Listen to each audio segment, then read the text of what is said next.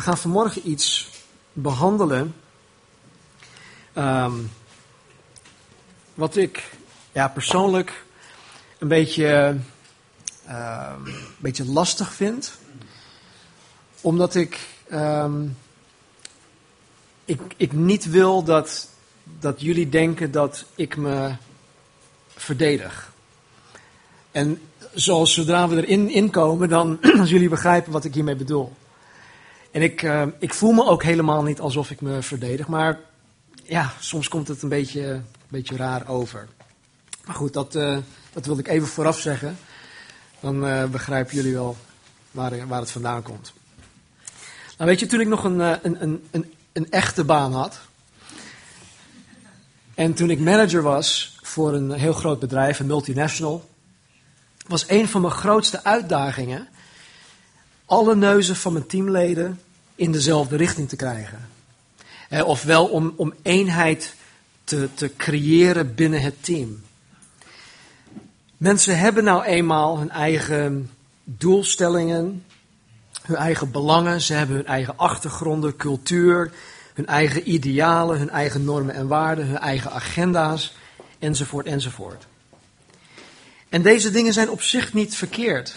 Dat maakt het juist interessant, het maakt het juist, ehm, ja, het, kan heel veel toevoegen aan, aan het team zijn. Want vaak zie je dan andere dingen vanuit een, een andere eh, invalshoek. En je kan, eh, je kan ook gebruik maken van andermans eh, ervaringen en dat soort dingen. Maar om met al deze verschillen mijn team op een punt te krijgen dat zij hetzelfde willen en hetzelfde te willen bereiken, is in mijn ervaring, zonder dat je een hoger doel hebt, onmogelijk te bereiken. In ieder geval, ik spreek nu even voor mezelf. Ik heb het niet voor elkaar gekregen om, om in drie jaar tijd een team te creëren die, ja, die, eh, waar, waar er echt eenheid was. Dan moet ik wel zeggen dat. ehm, nee, dat zeg ik niet. Ik, ik heb het als onmogelijk ehm, bevonden. Zonder dat je een hoger doel hebt. Ik, eh, ik, ik was heel goed om, om het bedrijf en de bedrijfsdoelstellingen en dat soort dingen, de filosofie en de, de, de, eh, de cultuur van het bedrijf, om dat, dat, daar heel enthousiast over te vertellen. Maar het boeide heel veel van die mensen niet. En dat was dan het hoge doel, maar niemand zag dat als waardevol voor hun.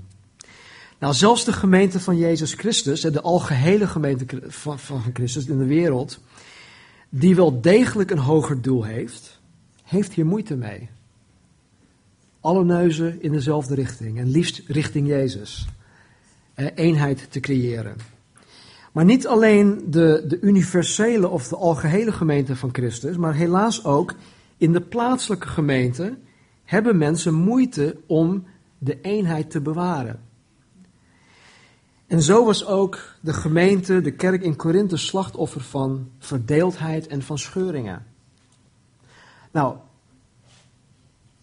begrijp je waarom ik een beetje terughoudend ben om, hier, om het hierover te hebben? Want wij hebben dat niet. Er is geen, we hebben geen scheuringen, er is geen verdeeldheid in, in onze gemeente. Dus dit is een soort preventief, eh, preventieve toespraak. En dat is altijd goed, want als we dingen gaan leren, als we dingen gaan herkennen, dan kunnen we daar meteen op inspelen en dan kunnen we ingrijpen. En niet alleen ik, maar iedereen. Dus hoe dan ook, het is een goede les om, eh, om te leren. Nou, vanmorgen pakken we onze studie in 1 Korinthe op in hoofdstuk 1, vers 10. En ik weet eigenlijk niet hoe ver we gaan komen. Ehm, maar goed, dat, dat zien we zo meteen wel. Nou, in de eerste negen versen, wat we vorige week hebben behandeld, herinnert Paulus de Corinthiërs aan het feit dat zij geheiligd zijn. Zij zijn ge- geroepen heiligen. Dat ze door God apart gezet zijn voor zijn doeleinden. En ze zijn apart gezet. Paulus herinnert hun aan het feit dat zij de, de genade van God hebben gekregen, de onverdiende gunst. Dat ze dat hebben ontvangen. En dat zij in Christus, zoals we vorige week al zeiden, stinkend rijk zijn In het woord, in de Bijbel en in het kennen van de schepper van hemel en aarde, van Jezus Christus. Zij hebben hem leren kennen. En daardoor zijn zij stinkend rijk geworden. Hij zegt dat God hun staande zal houden. Tot het einde toe. En dat Jezus hun onberispelijk, vlekkeloos, onschuldig zal presenteren aan God de Vader. Dus wanneer het moment aanbreekt, wanneer ik gepresenteerd word aan God de Vader, dan zegt Jezus, hier heb je Stan. Onberispelijk, vlekkeloos, onschuldig. Nou, ik zie echt uit naar dat moment. Want als ik nu nog in de spiegel kijk, als ik nu nog elke keer faal en, en, en struikel en, en, en tekortschiet. Ja, dat, dat is niet alleen voor, voor mij, is dat, eh, ja, ik, ik word daar droevig van. Ik, word daar ook ik, ik raak daar ook in gefrustreerd. Dus ik zie echt, uh, zoals de Bijbel ook zegt, rijkhalzend uit naar het moment dat de hele schepping weer hersteld wordt. En dat ik dan verheerlijk aan de Vader gepresenteerd gaat worden. Nou, hij zegt als het ware in, eerst, in, de, eerst, in de eerste uh, negen versen: Corinthiërs, jullie gaan het redden. Het komt helemaal goed met jullie, maak je geen zorgen. En dan zegt Paulus in vers 9 waarom hij zo zeker is van zijn zaak. Hij zegt: God is getrouw, door wie u geroepen bent tot de gemeenschap met zijn zoon Jezus Christus onze Heer. God is getrouw. Punt uit. Door de gemeenschap met Jezus Christus zal God uiteindelijk tot zijn doel komen met de Corinthiërs. Want om gemeenschap te hebben met Jezus betekent dat men door middel van de relatie die ze met Christus hebben, verbonden zijn met Hem. Ze zijn verbonden met Christus. Ze zijn één geworden met Hem. Ze zijn, er is een partnerschap uh, ontstaan tussen de Corinthiërs en Jezus Christus. En dat geldt ook voor ons. Het betekent ook dat men deelgenoot zal zijn. De Bijbel zegt ook mede-erfgenamen met Christus. Ze zullen deelgenoot zijn in zijn heerlijkheid. Maar toen Paulus dit, toen Paulus dit schreef, was Jezus Christus reeds verheerlijkt. De hemelvaart had plaatsgevonden en hij was verheerlijkt. En ook zullen de Corinthiërs verheerlijkt worden doordat zij met Christus gemeenschap hebben. Het staat al vast. In de Romeinen staat er dat wij um, um, justified, um, gerechtvaardigd zijn. we zijn geheiligd, maar er staat ook dat wij al verheerlijkt zijn. In de tegenwoordige tijd zegt, staat het er. Dus Jezus Christus of God ziet ons als ook nu al als verheerlijkt positioneel ben ik eigenlijk al verheerlijkt. Ondanks dat ik nu nog zit te vroeten en te, in, in, mijn, in mijn vleeselijk lichaam. Maar God ziet mij al door het bloed van Jezus Christus als, als verheerlijkt. Nou, omdat God zo ver gaat om de Corinthiërs tot het einde toe volkomen te redden, roept Paulus hun nu op om zich als geredde mensen te gaan gedragen. Hij zegt, God is zo ver gegaan om jullie te redden, gedraag je daarnaar. En dan komt hij met de vermaning, beginnen we met vers 10. Dus hij herinnert hun aan al die dingen, jullie zijn dit, jullie hebben dat, jullie zijn stinkend rijk, je, wordt, je bent verheerlijk, noem maar op, al die dingen. Maar dan komt hij met vers 10 en dan zegt hij, maar ik roep u ertoe op, broeders, omwille van de naam van onze Heer Jezus Christus, dat u allen uit één mond spreekt en dat er onder u geen scheuringen zijn, maar dat u hecht aan één gesmeed bent, één van denken en één van gevoelen, of één van, um, uh, what's judgment, oordeel. Paulus roept de Corinthiërs op om uit één mond te spreken. In dit, is, dit vond ik heel, heel belangrijk, want in de oorspronkelijke taal zegt Paulus dit niet vanuit zijn apostolische autoriteit ofwel dat hij als apostel hun met, met de Bijbel om de oren wil slaan. Maar hij zegt het alsof hij aan hun zijde komt staan, zijn arm om hun heen slaat en hun in liefde en genade als het ware smeekt om te doen wat hij hun gaat vragen. Zo, zo roept hij hun op, op die manier. Niet van, je moet dit. Nee, hij zegt, kom jongens, laten we dit doen. En dan vraagt Paulus dit: dat jullie uit één mond spreken. Ofwel dat jullie eensgezind zijn. Dat jullie hetzelfde denken en vervolgens ook hetzelfde spreken, hetzelfde zeggen. Nou, ik kan er vanmorgen niet alles van zeggen wat er, te zeggen, wat er van te zeggen valt. Dus ik moedig je aan om alsjeblieft de tijd te nemen om jezelf hierin te gaan verdiepen. Want het, het is heel rijk. Er staat heel veel in. En wat deze tekst betekent, kan op verschillende gebieden van toepassing zijn. Eenheid, uit één mond spreken. Dus neem de tijd om jezelf hierin te, gaan verdiepen. Maar hij zegt, ik wil dat jullie uit één mond spreken. En dit betekent dus niet dat zij, uh, dat zij zich als een stel robots moeten gaan gedragen en allemaal hetzelfde zeggen en hetzelfde doen. Ik weet niet wie van jullie uh, ooit uh, Star Trek heeft gekeken, maar jullie kennen misschien de Borg, de Collective. Nou, dat is absoluut, absoluut niet de bedoeling. Hè, dat we allemaal ja, tot de collective gaan behoren, dat we allemaal hetzelfde zeggen. Het betekent ook niet dat men niet voor zichzelf meer kan denken dat ze maar overal ja en amen op moeten zeggen. Maar ik geloof dat, dat een van de dingen wat, hier, wat hij hiermee bedoelt, is dat men binnen deze, deze plaatselijke gemeente, de in Korinthe, het absoluut eens moet zijn wat betreft de essentiële dingen, de essentiële elementen van het evangelie. Handelingen noemt, uh, Handelingen 2 vers 42, die moeten we uit ons hoofd kennen. Paul, uh, Lucas noemt het hier de leer van de apostelen. En daarin moeten wij volharden.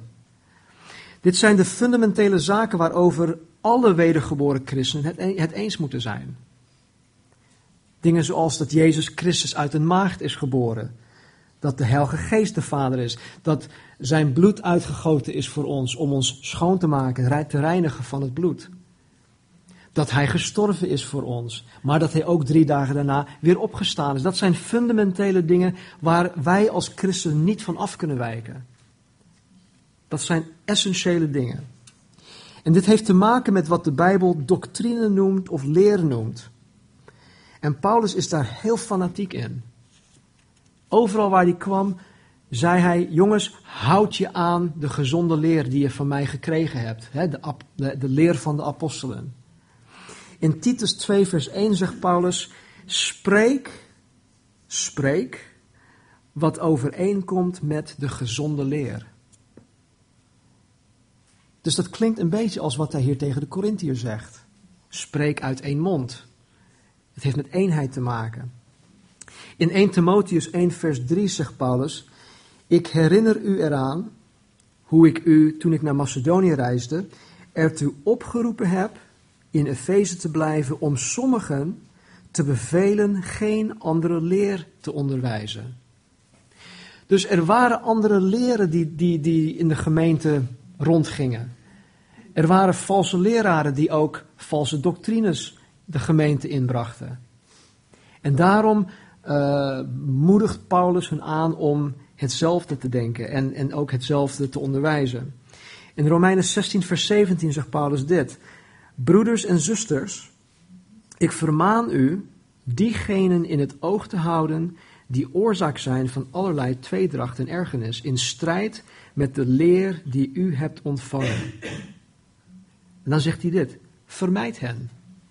Vermijd degene die, die verkeerde leer brengen, die strijd en, en, en ergernis en tweedracht zaaien in de gemeente. Vermijd deze mensen.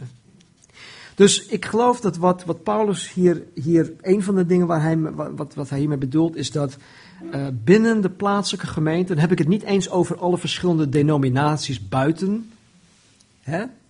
Baptisten, de katholieken, de Lutherse kerk, noem maar op. Ik geloof dat hij heeft het hier dus echt tegen de plaatselijke gemeente. En, en daar moet eenheid zijn. En ook wij als plaatselijke gemeente moeten het eens zijn over de leer van de apostelen. Dat is fundamenteel. Als we het daar niet over eens zijn, dan kunnen we niet verder. Dan kunnen we niet bouwen. Dat is fundamenteel. Ik geloof dat wij het ook eens moeten zijn over onze besluitvorming. Nou, wat ik daarmee bedoel is dit. Wij die als leiders aangesteld zijn over de Calvary Chapel, moeten het eens zijn over de beslissingen die gemaakt moeten worden.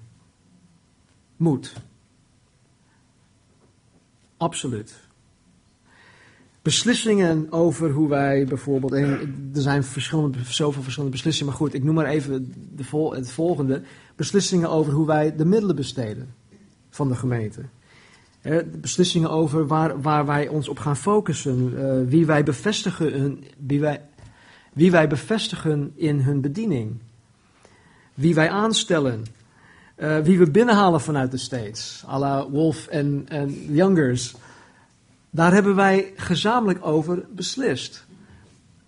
En dat is niet zomaar gedaan van, uh, nou joh, nou, lijkt me wel leuk, die Amerikanen. Nee, het, we, hebben daar, we hebben daar echt heel lang over gebeden en gepijnst en, en de Here gezocht. En we waren het allemaal eens dat zij hier naartoe zouden komen om, om ons hier te dienen. Eh, dingen waar, eh, zaken over waar we onze diensten moeten houden. Hoe wij invulling geven aan onze samenkomst, enzovoort, enzovoort.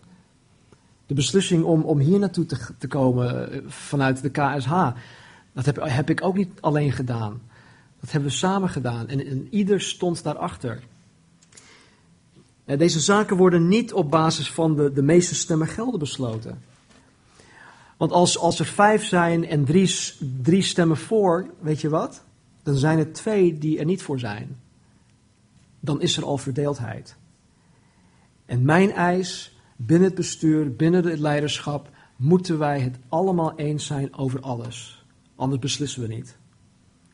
Dus het is aan God om ons ervan te overtuigen, als leider zijnde, om bepaalde dingen te doen. En daar geef ik en daar geven we elkaar de ruimte voor om tot die beslissing te komen. Zoals ik al zei, onze besluitvorming is geworteld in gebed.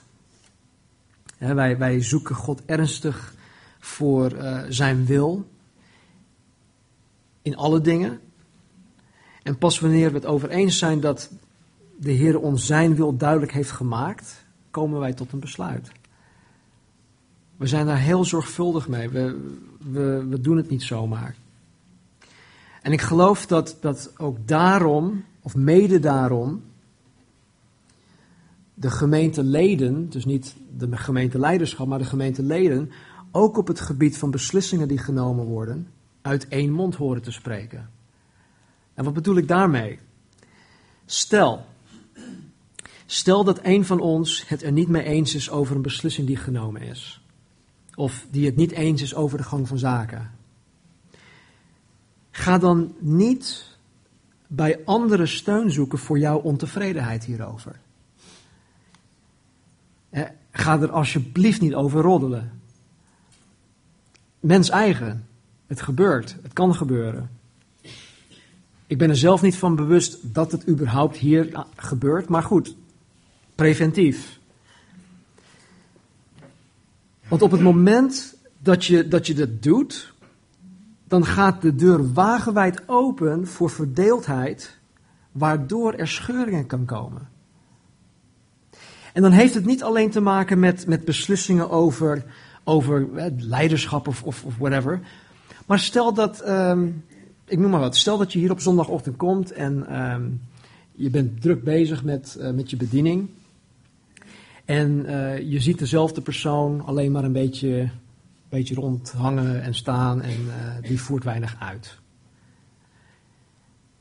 En in plaats van dat je naar die, persoon toe gaat om die persoon daarop aan te spreken, zeg van joh, even, wat is er eigenlijk met die gast? Waarom voert hij niks uit? Of waarom, waarom, waarom doet hij zo? Of zij? Ja, is eigenlijk wel rot hè, voor ons. Ja, want wij, want wij doen al het werk. En uh, hij of zij die doet eigenlijk niks, die voert niks uit. Eigenlijk oneerlijk. Nou, zo begint dat. Het is maar een heel klein voorbeeldje hoor. Maar dat soort dingen kunnen gebeuren. En dat soort dingen die zijn heel gevaarlijk. Hoe onschuldig het misschien ook lijkt, geeft de duivel absoluut geen ruimte om verdeeldheid te zaaien. Nou, bovendien leert de Bijbel ons dit. In 1, in 1 Thessalonicense 5, 12 tot 14 zegt Paulus: Broeders, wij vragen u respect te hebben voor uw leiders, die door de Here zijn aangewezen. Zij verrichten veel werk onder u en wijzen u terecht waar het nodig is. Respecteer hen en houd van hen, omdat zij zoveel voor u doen. Leef in vrede met elkaar. Broeders, u moet de mensen die hun plicht hierin verzaken heel ernstig waarschuwen. Ik vind dit ehm, een, een mooi stuk, een belangrijk stuk. En nogmaals, dit, dit is dan ja, zo'n stuk waarvan ik zeg van ja, hallo. Het is net alsof ik tegen jullie zeg van je moet mij respecteren. Dat zeg, dat zeg ik nu dus niet. Ik zeg gewoon wat de Bijbel ons hierin leert. En de Bijbel zegt, broeders, wij vragen u respect te hebben voor uw leiders. Die door de Heer zijn aangewezen. En ze verrichten veel werk onder u en wijzen u terecht waar het nodig is. Respecteer hen en houd van hen. Omdat ze zoveel voor u doen. En dan zegt hij dit. Leef in vrede met elkaar. Dus met andere woorden, zaai geen tweedracht. Vrede is eenheid. Je hoeft het niet 100% eens met elkaar te zijn, maar je kan, je kan wel in vrede met elkaar omgaan. En dan zegt hij dit in vers 14: Broeders, u moet de mensen die hun plicht hierin verzaken heel ernstig waarschuwen. God is een God van orde. En hij heeft in zijn gemeente een, een, ja, uh, een, een hiërarchische structuur aangesteld of ingesteld. En dit betekent dat een gemeente die Jezus Christus navolgt, en ik geloof dat wij dit ook zijn, leiders hebben die door Jezus Christus zelf zijn aangesteld. Toen wij twee jaar geleden begonnen zijn, toen had ik geen advertenties in de krant geplaatst van jongens, ik ben op zoek naar, wat, naar een aantal leiders om, om mee te helpen bij het stichten van een gemeente. Er stonden geen advertenties in het intermediair. En we hadden allemaal zoiets, oké, ik geloof dat God mij geroepen heeft om dit te beginnen, om voorganger te zijn. De tijd zal het bewijzen. Nou, ik noem maar op. Bert, die, eh, die stelde zich helemaal open voor, voor whatever God van hem verwachtte. Of wat God van hem verlangde. En hij zei, heer, ik, ik ben available. Ik heb geen titel, ik hoef ook geen titel. Ik wil u gewoon dienen, op welk gebied dan ook. Het maakt mij niet uit. Ik, ik ben excited about Jesus en ik wil u dienen. Nou, in twee jaar tijd is hij langzamerhand gegroeid naar richting leiderschap. En dat is, dat is door het werk van Jezus Christus in hem zo tot stand gekomen. Ik heb hem niet gevraagd. Ik heb het hem ook niet. Ehm, uh, ik heb hem daar ook niet echt, echt gepusht of bemoedigd van, joh, ik heb een, uh, meer leiders nodig, kom op.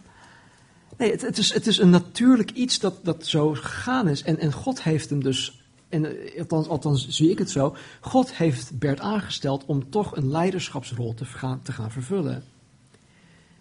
En ondanks dat hij officieel geen titel heeft, geen oudste genoemd wordt, of uh, assistant pastor of wat dan ook, zie ik Bert wel als een leider.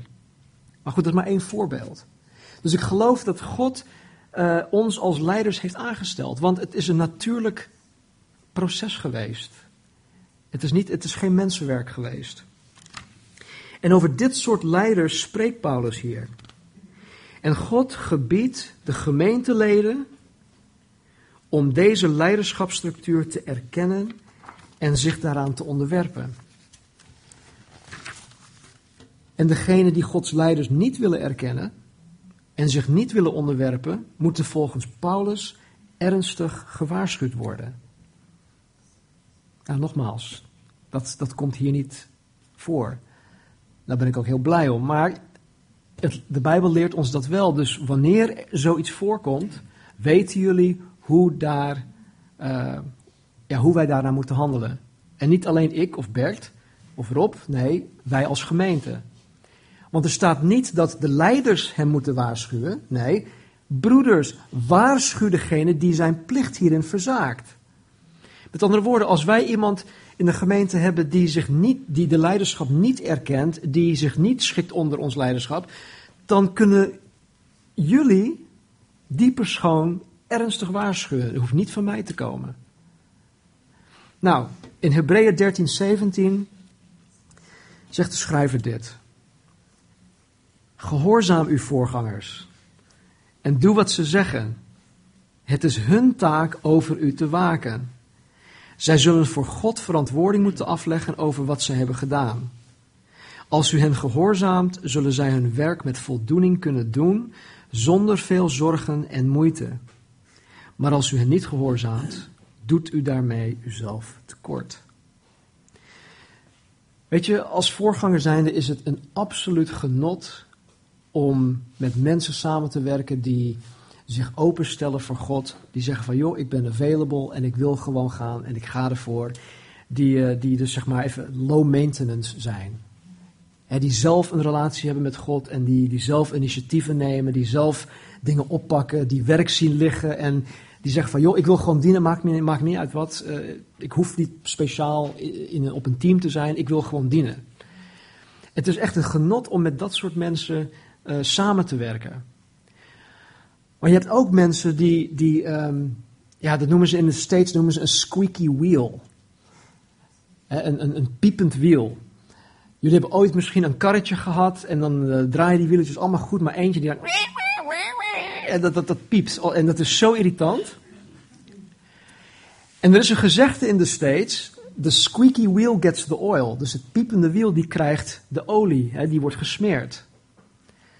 Nou, in mijn boek wordt het piepende wiel vervangen. Die krijgt geen olie.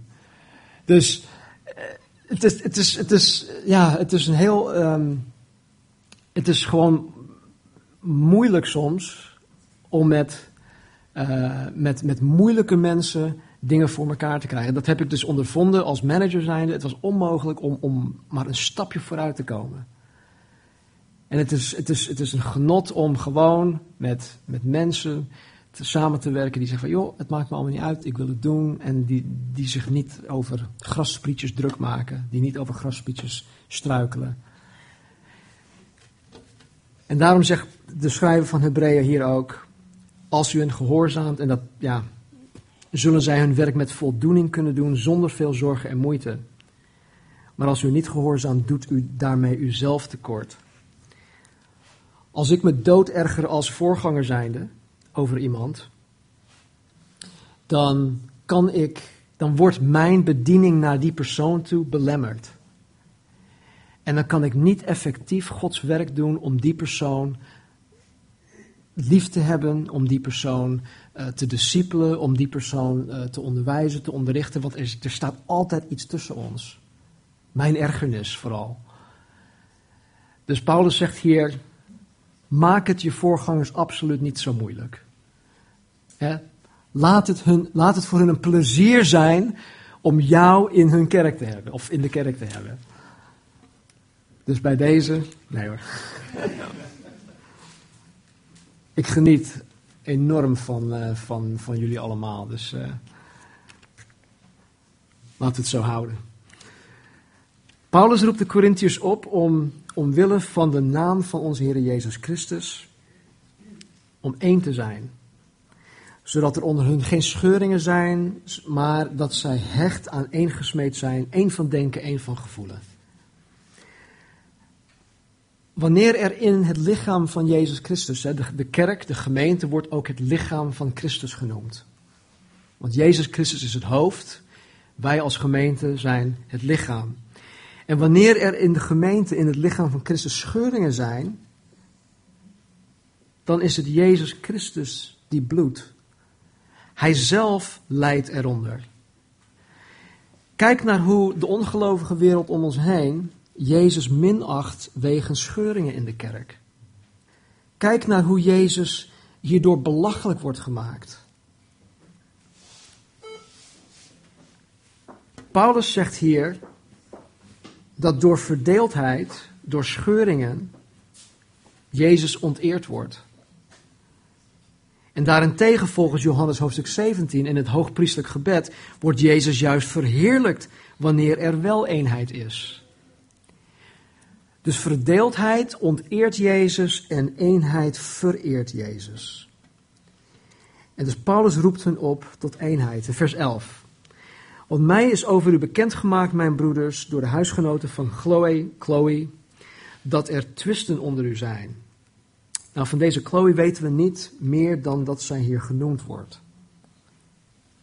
Dus ik ga er niet eens verder op in. Maar hoe dan ook, haar huisgenoten hebben Paulus op de hoogte gebracht dat er problemen zijn in de kerk in Korinthe. En hij zegt dat er twisten onder hun zijn. Nou, met twisten bedoelt Paulus dat zij een hoogmoedige houding hadden ten opzichte van elkaar. En dan zegt hij dit in vers 12. Ik bedoel dit. Dat ieder van u zegt, ik ben van Paulus, of ik ben van Paulus, ik van Apollos, ik van Kefas, Kefas is Petrus, dat is zijn Hebreeuwse naam, en ik van Christus. Nou, er waren blijkbaar verschillende groepen die zich hadden gevormd wegens hun voorkeuren. En we weten niet precies wat de reden is van deze partijvorming, maar Paulus wijst het radicaal af. We willen geen partijvorming in de gemeente. Punt uit. Dus we weten niet precies hoe dat tot stand is gekomen, maar misschien voelde één groep zich verbonden met Paulus. uiteindelijk was Paulus de stichter van die gemeente. En die voelde zich echt verbonden met Paulus. Dus die zeiden van, ik ben van Paulus. De andere voelde zich misschien meer verwant met Apollos, omdat hij, een welbespra hij was welbespraakt en hij was toen ook de huidige voorganger van de gemeente. Dus die zeiden misschien, nou, ik ben van Apollos. En een ander voelde zich misschien verbonden met Kefas, met Petrus, omdat hij een eenvoudige visser was die misschien in straattaal hun toesprak. Weet ik niet. En, en dan is er nog een groep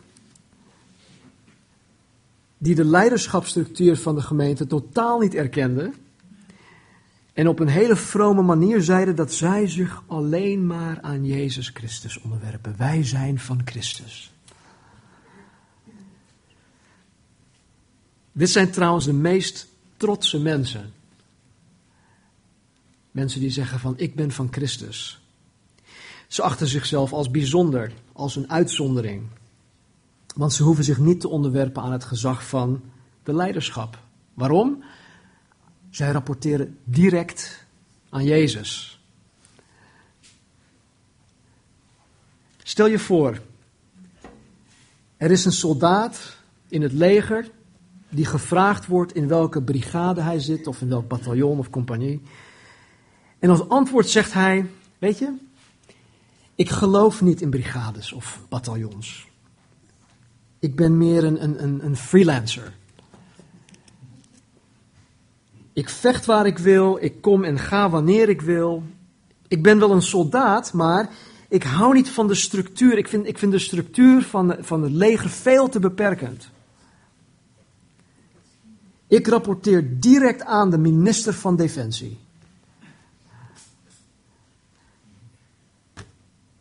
John, zou dit in het leger werken? Nooit. Nooit. Nou, dat werkt ook niet in de gemeente van Jezus Christus. Er zijn vandaag de dag mensen die gewoon lak hebben aan voorgangers, oudsten of welke vorm van leiderschap dan ook. Omdat ze een directe lijn hebben met Jezus Christus. En ze zeggen dat ze alleen bij Jezus verantwoording hoeven af te leggen. En alhoewel dat, dat inderdaad zo is, want uiteindelijk leggen we onze verantwoording af bij Jezus, maar toch heeft Jezus ervoor gezorgd en voor gekozen om door middel van een leiderschapsstructuur de plaatselijke gemeente te besturen. Hij heeft oudsten, hij heeft voorgangers aangesteld hiervoor. Hebreeën, we hebben het zelf net gelezen. Wij waken over de zielen. Ik moet mijn verantwoording afleggen bij God over hoe ik mijn functie uitoefen over de gemeente. En dat wil niet zeggen dat ik beter ben dan, dan jullie of dat ik boven jullie sta. God heeft het gewoon zo gemaakt. En dan zegt hij in vers 13: Is Christus verdeeld? Paulus is toch niet voor u gekruisigd? Of bent u in de naam van Paulus gedoopt? Hij laat hier zien hoe absurd hun partijvorming eigenlijk is. Hoe kan dat nou? Hij zegt, ik dank God dat ik niemand van u gedoopt heb dan Crispus en Gaius. Zodat niemand kan zeggen dat ik, mijn, dat, ik, dat ik in mijn naam gedoopt heb. Ik heb echter ook nog het huisgezin van Stefanus gedoopt. Verder weet ik niet of ik nog iemand anders gedoopt heb. Paulus geeft aan dat doordat hij weinig mensen gedoopt heeft, hij geen aanhang voor zichzelf heeft geworven.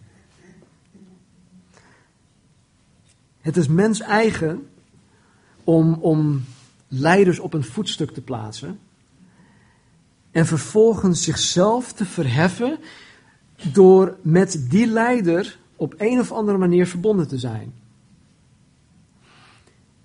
Ik, ik, ik, ik zie het al voor me daar in Korinthe. Door wie ben jij gedoopt? Oh, ik ben door de apostel Paulus zelf. Hè? Ik ben door hem gedoopt. Ja, jij? En dus, het is, ja, Paulus wilde dat voorkomen. En hij heeft bewust, geloof ik, de, uh, weinig mensen zelf gedoopt. Hij liet het aan de gemeenteleden over. De komende drie hoofdstukken, eigenlijk tot en met hoofdstuk 4, gaat Paulus in op het probleem van verdeeldheid.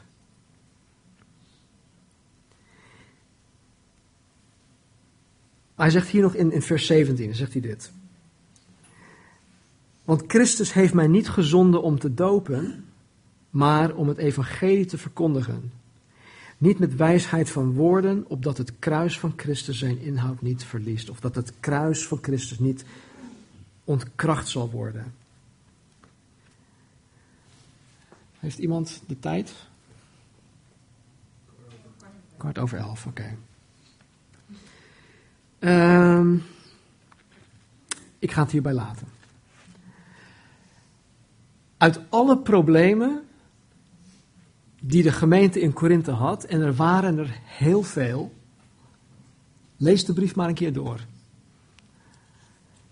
Er waren heel veel problemen, maar uit alle problemen die de gemeente in Korinthe had, pakt Paulus dit probleem als eerste aan. En hij wijdt vier hoofdstukken aan dit onderwerp: verdeeldheid, scheuringen in de gemeente.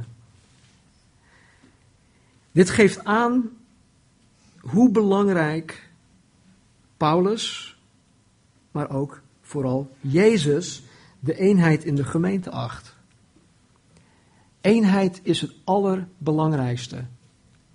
We hebben het de afgelopen paar maanden gehad over, um, over het huwelijk.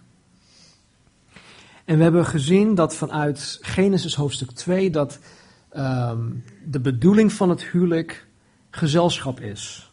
De man was eenzaam, hij kon zijn leven met niemand delen.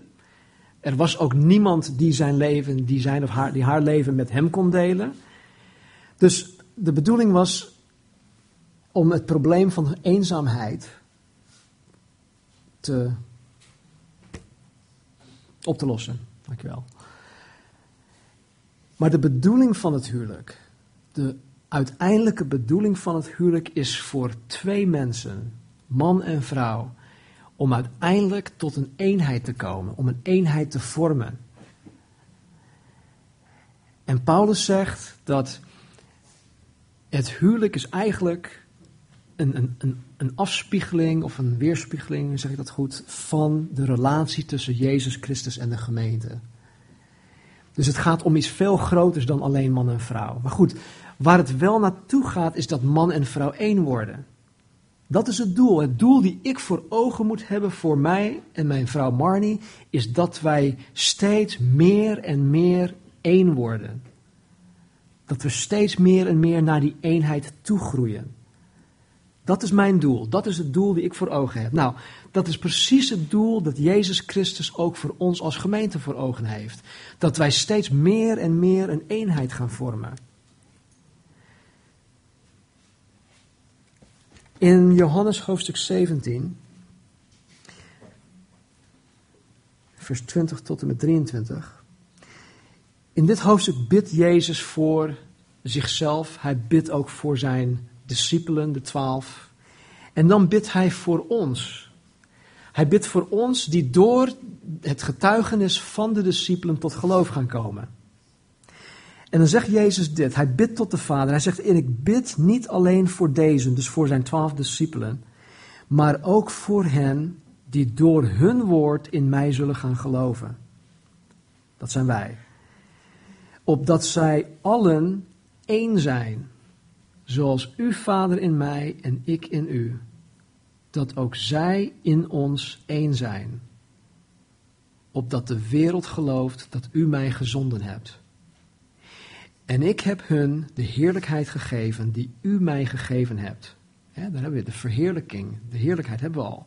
Opdat zij één zijn zoals wij één zijn. Ik in hen, u in mij, opdat zij volmaakt één zijn en opdat de wereld erkent dat u mij gezonden hebt en hen liefgehad hebt zoals u mij hebt liefgehad. Nou, het gebed van Jezus is dat wij een eenheid zullen vormen. Dat we één zijn. En hij zegt dat niet zomaar. Hij zegt het om deze reden. Hij zegt, opdat de wereld gelooft dat u mij gezonden hebt. Dus als wij verdeeld zijn, als er scheuringen zijn in onze gemeente, dan kijkt de wereld toe en die zegt, joh, ik wil daar, ik wil daar geen deelgenoot van zijn. Maar als we een eenheid vormen, als liefde en genade onder ons heerst en als we op, op een liefdevolle manier, in genadevolle manier met elkaar omgaan, dan zullen mensen van buitenaf naar binnen kijken die zeggen van wauw, wat zijn die mensen gelukkig. Het maakt hun nieuwsgierig. Het zal, het zal aantrekkelijk zijn voor hun om een kijkje te gaan nemen. Dus de eenheid die wij, die wij vormen als gemeente heeft uiteindelijk een, een, een effect, een, een hele positieve impact op ons evangelisatie. Wij willen de wereld bereiken. Wij bestaan niet voor onszelf. Het koninkrijk van God, dat moet meer worden. Niet alleen in mijn eigen hart, maar ook naar buiten toe. Mensen moeten weten dat Jezus Christus van hun houdt. Mensen moeten weten dat er een veel beter leven is dan, dan wat, ze, wat ze allemaal meemaken. En door die eenheid te creëren, door die eenheid te bewaren, zullen mensen tot het besef komen dat Jezus Christus in de wereld is gekomen, dat de Vader hem gezonden heeft. En dat Hij de mensen lief heeft. Dus als wij getuigen willen zijn in ons huwelijk, dan moeten we één worden als man en vrouw. Als wij getuigen willen zijn als gemeente, moeten we één, één zijn. Moeten we een eenheid vormen. Zo belangrijk is dat voor Jezus. Het is voor Hem belangrijk, het is voor ons belangrijk. Want verdeeldheid leidt alleen maar tot het bloeden van het lichaam van Christus en dat is Jezus zelf. Um, vers 17, dat is een vers op zich, dat heeft best wel wat aandacht nodig. Um, Aanstaande zondag ben ik er niet. Of althans, ja, nee, ik ben er niet. Ik, ben er, zit nog in Duitsland volgens mij. Ehm, en ik heb Joey gevraagd om aanstaande zondag dit op te pakken. Dus ehm, dan vraag ik Joey om het vanaf eh, vers 17 op te pakken. En dan kijken we wel hoe ver, eh, hoe ver hij komt. Laten we bidden. Vader, ik dank u voor het feit dat u, Vader, samen met uw Zoon en de Heilige Geest een eenheid vormen. Heer, een volmaakte eenheid. En dat u ons voorbeeld bent. Jezus, u zei dat u altijd doet wat de Vader behaagt. Heer, dat kan alleen wanneer u één bent met Hem. En zo, Heer, wij willen zo graag, Heer. Wij willen zo graag één zijn, zoals u het aan de Vader ook heeft gevraagd. Wij willen, een, wij willen uw gebedsverhoring zijn. Heer, u heeft het gebeden. En heren, wij willen zo graag dat uw gebed, dit gebed in Johannes 17 verhoord wordt. Doordat we steeds meer en meer naar die eenheid toe zullen gaan groeien. Vader, in onze huwelijken, als man en vrouw. Help ons, Vader, om dat doel voor ogen te hebben en om dat doel na te streven. Vader, er zijn zoveel dingen die ons daarvan af kunnen leiden. Die ons daarin kunnen belemmeren, die ons daarvan weerhouden. Maar heren, de standaard die u heeft gegeven, dat dat blijft. U heeft die lat hoog gelegd, maar samen met u, heren, is het haalbaar. En zo, heren, zegen onze huwelijken. Zegen ook de toekomstige huwelijken, vader, van onze, onze jongeren, onze singles, heren. Laat hen ook nu alvast leren, vader, wat het is om echtgenoot te zijn. Ik dank u, vader, dat, dat zoveel jongeren ook ehm, ja, de huwelijkssessies hebben bijgewoond. En ik bid, vader, dat deze blijvend vrucht zullen gaan dragen. En heren, zoals de Corinthiërs zoveel problemen hadden, vader.